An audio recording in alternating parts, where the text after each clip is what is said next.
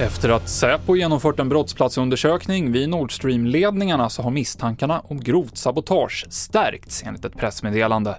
Säpo uppger att det har skett detonationer på platsen och man har gjort beslag, även om man inte vill säga vad.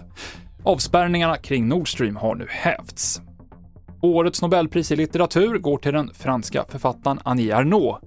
Hennes senast översatta bok till svenska gavs ut för bara en månad sedan och kulturjournalisten och förläggaren Stephen Ferran Lee tror att Ernaux är en pristagare som kan bli läst av många svenskar. Jag tror att det här kan bli ett författarskap som många kan upptäcka.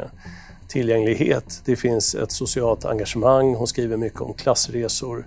Jag skulle säga att det här är någonting som säkert många svenska läsare skulle kunna ta till sig, mm. både lätt och med, och med glädje de som inte har läst ännu. Så att eh, jag tror att det här blir ett populärt pris på många håll faktiskt. Annie Ernaux får alltså Nobelpriset i litteratur och det avslutar TV4-nyheterna med Mikael Klintevall.